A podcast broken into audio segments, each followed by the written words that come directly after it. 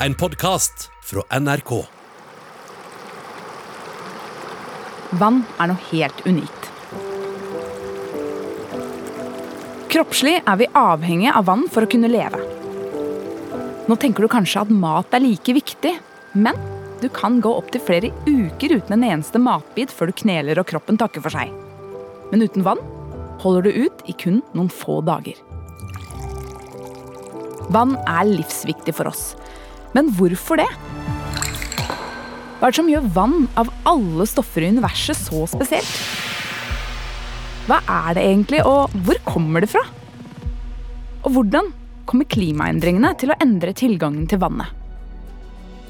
Jeg heter Selda Ekiz og er fysiker, naturvitenskapsformidler og vanvittig opptatt av vann. Og vann burde vært pensum.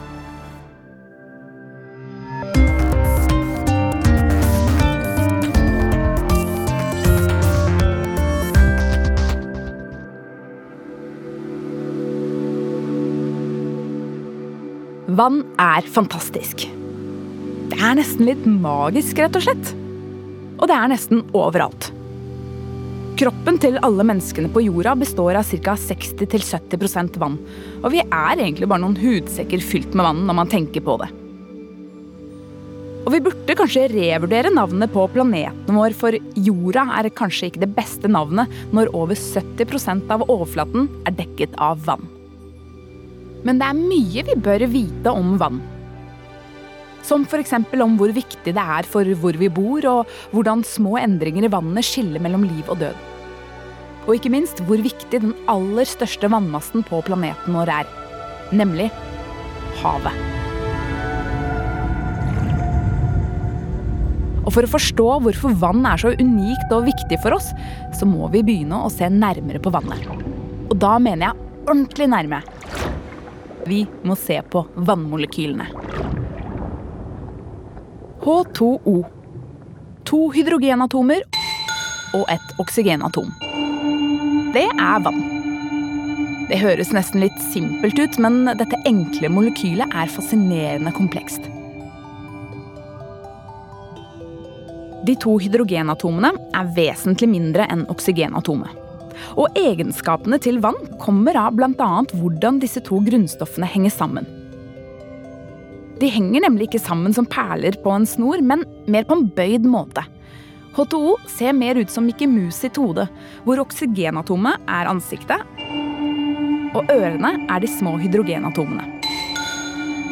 Formen på vannmolekylet kommer av hvordan oksygen og hydrogenatomene er koblet sammen. En veldig interessant egenskap til disse atomene er at oksygenatomet trekker til seg elektroner i mye større grad enn hydrogenatomene.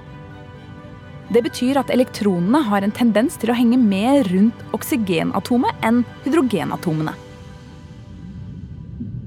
Så hvis vi zoomer litt ut og ser på vannmolekylet, vil det være mer negativt lada rundt oksygenatomet eller rundt ansiktet til Mikke Mouse og mer positivt lada rundt hydrogenatomene, altså oppi ørene på Mikke Mus.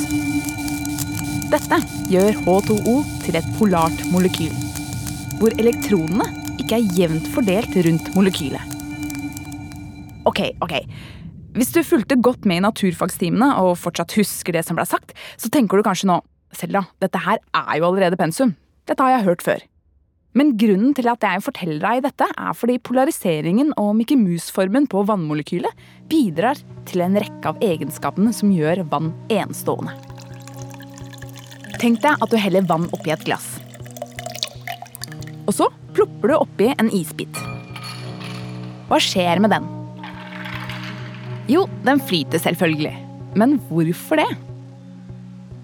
Is er jo ikke noe annet enn vann i fast form. Og alle stoffer kan enten være i fast form, flytende form eller i gassform. Og de fleste stoffer tar mindre og mindre plass når de går fra å være gass til flytende til fast. Men sånn er ikke vann. Vann er et av få stoffer som faktisk tar større plass når det er i fast form enn når det er flytende. Det er grunnen til at hvis du har vann som fryser i et rør på vinteren, så kan det sprekke. Og så har du plutselig en liten oversvømmelse når det blir varmt igjen. Dette skjer fordi vannet ordner molekylene i et spesielt mønster når det fryser. Og det er pga. polariseringen og Mickey Mouse-formen. Den positivt lada delen av molekylet, altså der hydrogenatomene er, eller ørene til Mickey Mouse, vil legge seg nærmere oksygenet til et annet vannmolekyl. Dette skjer med alle molekylene i vann når det fryser til is. Fordi ulik lading tiltrekkes av hverandre. Pluss mot minus og minus mot pluss. Og når alle vannmolekylene har ordna seg i dette faste mønsteret, tar det større plass enn når vann er flytende. Da klarer molekylene å komme seg nærmere hverandre.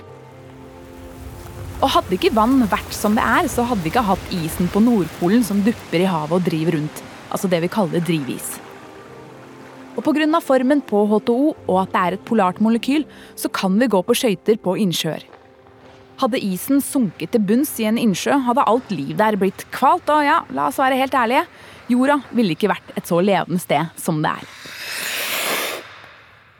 En annen unik ting med vann er at det er et universalløsemiddel. La meg gi deg et eksempel. Vanlig bordsalt. Et molekyl som består av grunnstoffene natrium og klor. Mange av oss har løst opp en teskje salt i vann. Men om du aldri har gjort det før, så vil det omtrent foregå slik. Til å begynne med vil saltet legge seg som et eh, miniatyrfjell i bunnen av glasset. Og rører du skjeen rundt, vil saltet etter en kort stund bli borte. Eller, altså, det har jo ikke blitt borte, det har blitt oppløst i vannet. Det ser tilsynelatende enkelt og kjedelig ut, men på molekylnivå er det mye action som foregår. For allerede idet saltet treffer vannet, begynner vannmolekylene å rive i stykker saltmolekylet. Salt er også et polart molekyl, som betyr at de positivt lada Mikke Mus-ørene til vannet vil tiltrekke seg de negativt lada kloratomene og det negativt lada oksygenet i H2O vil tiltrekke seg natriumatomet i saltet som er positivt lada. H2O er ekstremt enkelt forklart et sterkere molekyl enn saltet og vil dermed rive natriumkloridmolekylet i fillebiter. Og voilà! Saltet er oppløst. Det vi sitter igjen med, er et glass med H2O-molekyler som holder natrium- og kloratomene fra hverandre, sånn at de ikke klarer å hekte seg sammen. Denne polariteten, altså at ørene til Mickey Mouse er positivt lada og at ansiktet er negativt lada, gjør også at vann kan løse opp en haug med andre stoffer. Det kan selvfølgelig ikke løse opp alt i hele universet, men det løser opp mer enn noe annet stoff i hele verden. Det gjør vann til verdens mest effektive transportbud.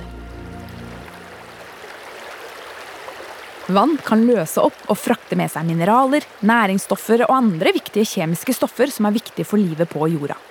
Og det gjelder uansett hvor vannet tar veien. Om det er gjennom lufta, bakken eller gjennom kroppene våre. Uten vann i kroppen vår hadde vi bl.a. hatt ekstremt tørre øyne fordi øynene, som mye annet i kroppen vår, må smøres for å ikke tørke ut. Og det hadde vært helt umulig å bæsje fordi vannet frakter avfallsstoffene våre gjennom tarmene våre. Og cellene våre hadde ikke fått oksygen eller andre næringsstoffer frakta til dem. Jeg mener, Vi starter jo alle sammen i et vann. Fostervann. Som frakter oss gjennom et helt svangerskap og til slutt ut av mødrene våre. Vi skal være veldig glad for at vi endte opp med å ha vann på jorda. For intet vann, intet liv.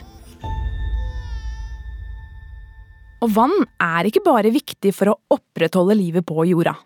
For å skjønne hvor viktig vann er for oss, så må vi tilbake til livets opprinnelse.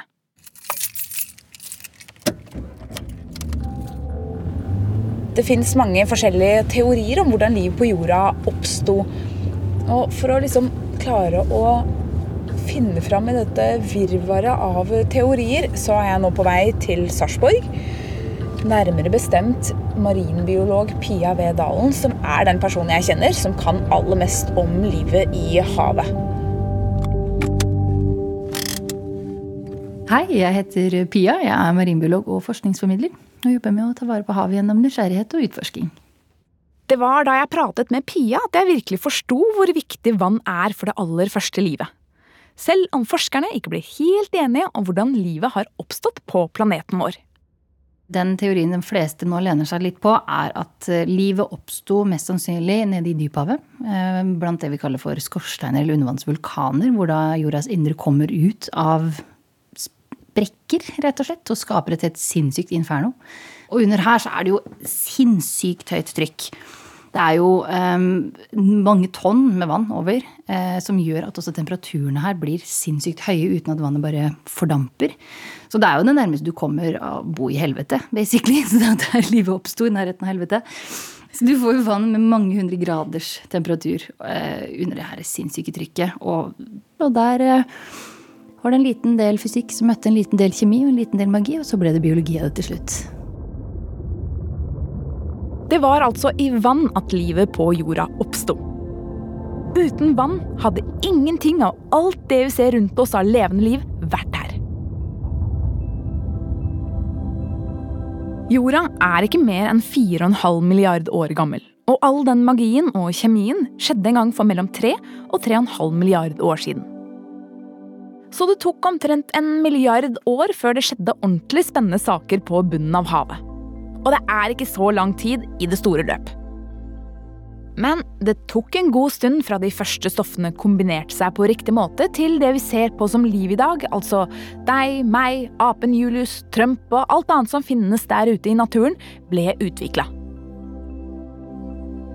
Men hvor kommer alt dette vannet som er på jorda vår, fra? For å finne svaret på det må vi en tur ut i verdensrommet. Så da solsystemet vårt ble lagd, så var det veldig lite vann her i nærheten av sola, hvor vi holder til. Men det var masse ytterst. Um, og der ble det danna kometer, som er fulle av is, som tepper bo på jordkloden. Så den kaller for the great bombardment av en periode hvor jordkloden bare ble bomba sønder og sammen av forskjellige ting fra verdensrommet. Som har vært fryktelig mye sånne kometer som har klart å krasje inn her, for vi har fryktelig mye vann på jordkloden. men... Um, det er basically det. Kommer utenfra. Så dette stoffet som du heller oppi saften din eller koker poteten i, det er mest sannsynlig utenomjordisk. Men det har jo blitt veldig jordisk. Som jeg nevnte helt i starten, det er mye vann på jorda. Mer enn 70% av planeten er dekket av vann. Men det vannet er ikke jevnt fordelt. Her i Norge er vi omgitt av vann. Både langs kysten vår og i lufta. Det både snør og regner mye i dette vakre landet vårt. Og når vi i tillegg har et ganske så unikt landskap med høye fjell og stryk, så har vi rett og slett skutt gullfuglen. Helt siden slutten av 1800-tallet har turister fra hele verden kommet til Norge for å oppleve den magiske naturen vår.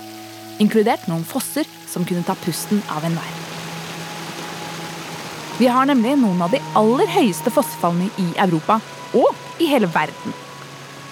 Men naturen i Norge er ikke bare veldig vakker, den er også veldig hendig. Dessverre er det ikke lenger sånn at du og jeg kan oppleve det samme som turistene på 1800-tallet. For i løpet av de siste 100 årene har en god del av fossene våre blitt lagt i rør.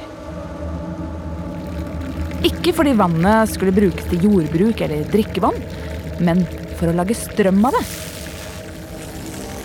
Vannet vårt gjør nemlig at den elektriske tannbørsten din går rundt. Eller lader telefonen din. Eller lyser opp hjemmet ditt.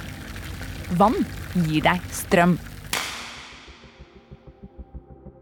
Nå har jeg veldig lyst til å forklare deg hvordan man lager strøm av vann som faller, men det må bli en annen episode. Men kort fortalt faller vannet på en turbin som vil gå rundt og rundt, og med litt kobbertråder og magneter klarer vi å lage strøm. Takket være fossene våre har vi nytt godt av, vel, fram til nå, billig strøm og grønn energi her til lands. Det har hjulpet oss til å utvikle samfunnet og bygge ut industri. Og selv om det er lett å peke på olja vår som hovedgrunnen til at Norge er et så rikt land, så skal vi ikke kimse av rollen vannet har spilt heller. Så det er ikke rart at jeg syns vann er fantastisk. Altså, det kommer fra verdensrommet, og etter milliarder av år med utvikling i havet var det med på å sørge for at vi har liv på planeten. Og når det først har vært med på å skape liv, så er vi helt avhengig av å drikke vann jevnlig for å overleve. I tillegg sørger vann for å gi oss ren energi, som gir oss strøm og varme når det er kaldt. Men det er noe som bekymrer meg. Fordi nå endrer forholdene til vannet seg. Og når vi er så avhengige av vann, så er det ikke så mye som skal til før det kan føre til store endringer. Små endringer kan gjøre at det er for mye vann ett sted, og for lite et annet sted. Eller at det er mindre liv i den store vannmassen vi kaller for havet. Og det kan endre livet til mange av oss. Ja, jeg snakker om klimakrisa. For selv om vi har vært heldige her i Norge og fått strømmen vår fra vannkraft, som er en fornybar ressurs, så har vi sammen med resten av verden pøst enorme mengder CO2 ut i atmosfæren vår. Pga. drivhuseffekten holder vi på å koke planeten vår i hjel. Men vi har ikke lagt merke til det før nå. Og det er igjen fordi vannet på jorda har redda oss en god stund. Havet har rett og slett sugd til seg mye av den CO2-en vi har sluppet ut. Bare hør på Pia. Havet er viktig for lagring av det aller meste, egentlig. Eh, inkludert CO2. Da. Den absorberer og sluker store mengder av det. Ca. 25% altså en fjerdedel av alt det ekstra CO2 som vi har nå sluppet ut fordi vi forbrenner fossilt drivstoff, har blitt svelga av havet. Så det fungerer litt som en sånn buffer for oss. Hadde det ikke vært for havet, så hadde jo global oppvarming vært mye, mye sterkere og mye mer fremtredende enn det vi ser i dag. Så det deilige hadde jo vært om havet bare kunne reddet oss igjen. At vi bare kunne pumpe CO2 ned i dypet og bli kvitt problemet. Men selv om havet er svært, så har det også noen begrensninger. For hvis vi pumper ubegrensa mengder CO2 ned i sjøen, så vil det ødelegge livet der nede. Og det er jo veldig synd for alle vesenene nede i dypet, men også for oss mennesker. I dag får nemlig omtrent tre milliarder mennesker maten sin fra havet. For at det skal være nok liv i havet til å kunne gi mat til så mange mennesker, så er det noen ting vi er avhengig av. Nemlig koraller og krepsdyr. Og de sliter hvis det er for mye CO2. Det er jo ikke sånn at eh, milliarder av mennesker spiser koraller og kreps til middag hver dag. Så det er kanskje ikke så lett å se for seg hvordan dette her henger sammen. Men det gjør det. Det som er litt eh, dumt, er at når CO2 løser seg i vann, så får vi det kalle for karbonsyre. Og det er det samme som er i f.eks. cola. Eh, og du ville jo ikke putta tenna dine i cola og bare latt dem ligge der i en måneds tid. ikke sant? Man snakker om at det, det råtner opp. Det opp, løser rett og slett opp tenna våre. Så tenna våre er lagd av kalsiumkarbonat. Og det er også de fleste harde strukturer i vannet. Så det vi egentlig gjør, er bare å lage sjukt mye cola. Eh, og det gjør at det blir litt trøblete for f.eks. muslinger som blåskjell og østers og kamskjell og sånt noe. Det er sammen med krabber og hummer og andre krepsdyr. Eh, korallene våre lager kalsiumkarbonatskjelett. Altså det meste i havet som er hardt, bortsett fra steinen selvfølgelig, er som regel kalsiumkarbonat. Så når vi da løser ut enorme mengder med CO2 i havet, så blir det rett og slett surere. Og havforsuring er liksom global oppvarmings onde tvillingbror, om man kan si det sånn. Det kan kanskje virke som om de dyrene som vil bli påvirket av høyere havtemperaturer og havforsuring, er bitte små og ikke spesielt viktige. Men de er faktisk det. Du har kanskje hørt om de tropiske korallene som dør utenfor bl.a. Australia. De er hjemmet til 25% av det kjente livet i havet. Vi har ingen tropiske korallrev her i nord, så vi har en tendens til å ikke bry oss om dem. Men vi i nord vil også slite. Vi har nemlig også noen arter som kanskje virker små og ubetydelige, men som egentlig er byggestener for hele økosystemer, og dermed det vi kaller nøkkelarter. Og også våre nøkkelarter kan forsvinne om havet forsures i den farten det gjør nå. Som f.eks. hoppekrepsen. En bitte liten, gjennomsiktig kreps med lange antenner som ikke er større enn 5 millimeter. Hvert år klekkes 300 millioner tonn hoppekreps langs kysten vår. Og disse små proteinpakkene er maten til en haug med andre dyr. Så om du er glad i skrei, så liker du hoppekrepsen. For torskeyngelen spiser hoppekreps. Makrell, sild og hummer spiser hoppekrepsen. Alle spiser hoppekrepsen. Så det er den ene måten klimakrisen endrer vannet på. Den kan fjerne små nøkkelarter som legger grunnlaget for så å si alt liv vi ser utenfor kysten vår. I verste fall kan vi stå der med milliarder av mennesker som må finne mat et annet sted. Men klimakrisa fører ikke bare til endringer på vannet i havet, men også på vannet som kommer ned fra himmelen. Og det kan være skummelt. Hvis det blir for mye regn, hvis det kommer, kommer, stormer, hvis det kommer frossent vann for den del, snø og hagl, så begynner det å bli skummelt å være menneske hvis ikke vi er, vi er forberedt. Så, så, vannet er liksom både det vi er avhengig av, men det er også noe vi, vi må være forsiktige med. Dette er Bjørn Samset. Han er fysiker og klimaforsker, og har vært med på å skrive den siste klimarapporten for FN. Og i den rapporten er det så klart mye om global oppvarming. For jorda blir varmere. Men det er ikke den varmen i seg selv som egentlig er den viktigste delen av klimaendringene. Der vi merker det mest, er hva den ekstra varmen gjør med vannet, og ikke minst regnet kan tenke, Hvor kommer regnet egentlig fra? Jo, når, når, det er varmt, så fordamper jo vann fra, både fra bakke og fra hav. Og så flyttes da den vanndampen opp, kan bli til skyer, og etter hvert så, så regner det ned et annet sted. Når jorda blir varmere, så fordamper det mer. Lufta kan også holde på mer vann, og da når det først kommer regn, så kommer det gjerne mer regn og en varmere jord, så, så, blåser også vinden litt annerledes. og liksom De store vindsirkulasjonene som går rundt på hele jorda, de blir litt annerledes. Da kommer det regn på andre steder enn før. Mens noen andre steder, sånn som rundt Middelhavet f.eks., der blir det mye tørrere enn en, en tidligere. Så som en del av klimaendringene så ser vi både at uh, det endrer seg hvor det regner, det endrer seg hvor mye det regner, og noen steder så blir det også veldig mye mer ekstremregn. Og ekstremregn er vi jo ikke så veldig glad i. I Norge har det bidratt til at elver flommer over og renner inn i kjellere rundt omkring i landet. Men det har vært verre i andre land. God kveld. Belgia er altså rammet av en kraftig flom igjen. Flere gater i byen Dinan sør i landet ble i kveld oversvømt etter kraftig regn. Det er kort tid siden Mellom-Europa sist ble rammet av flom, hvor det var mange døde. Og det er ikke noe bedre utenfor Europa heller. I åssidene i India, hvor du har eh, masse masse små familiedrevne eh, gårder, der er de fortsatt vant til mye regn, for det kommer monsunregn en gang i året. Men hvis det blir veldig intenst, så ender du rett opp med å vaske bort hele åssidene, og du får ordentlig jorda, så du mister fullstendig hele, hele avlinger. Og når det er for mye vann ett sted, så er det ofte for lite et annet sted. Og mye mindre vann enn det vi er vant til, er heller ikke bra. Det kan fort føre til mye større problemer enn det vi tenker. For vann er ikke bare starten på alt liv.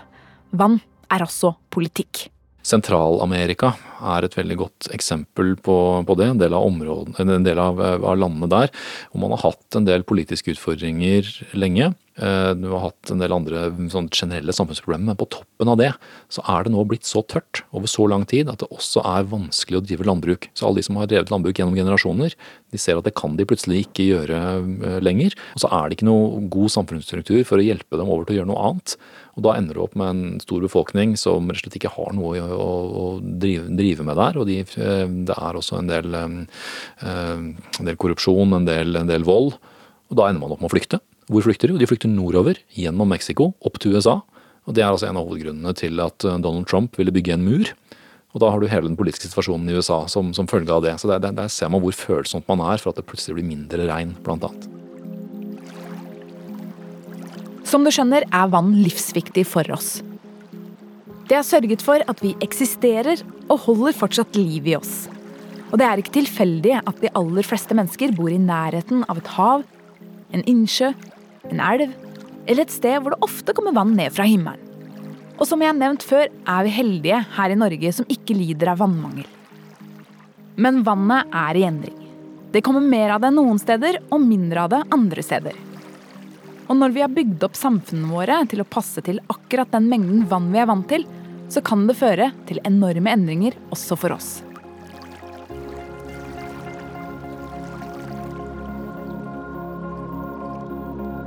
Jeg heter Selda Ekiz, og jeg er fysiker, naturvitenskapsformidler og som du har hørt, veldig interessert i vann.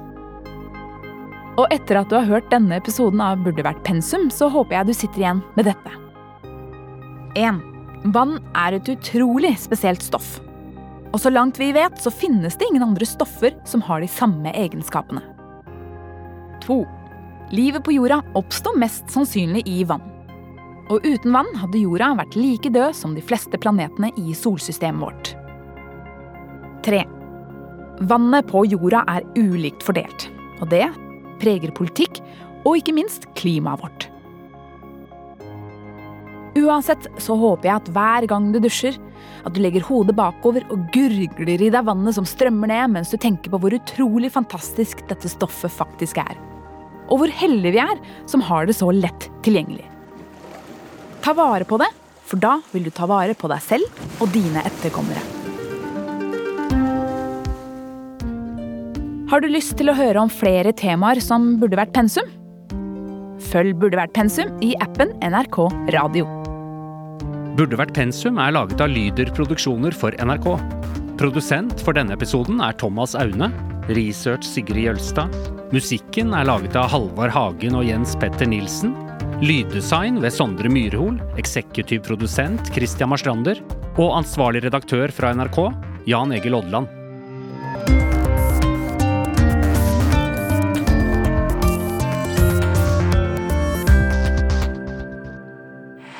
En podkast fra NRK.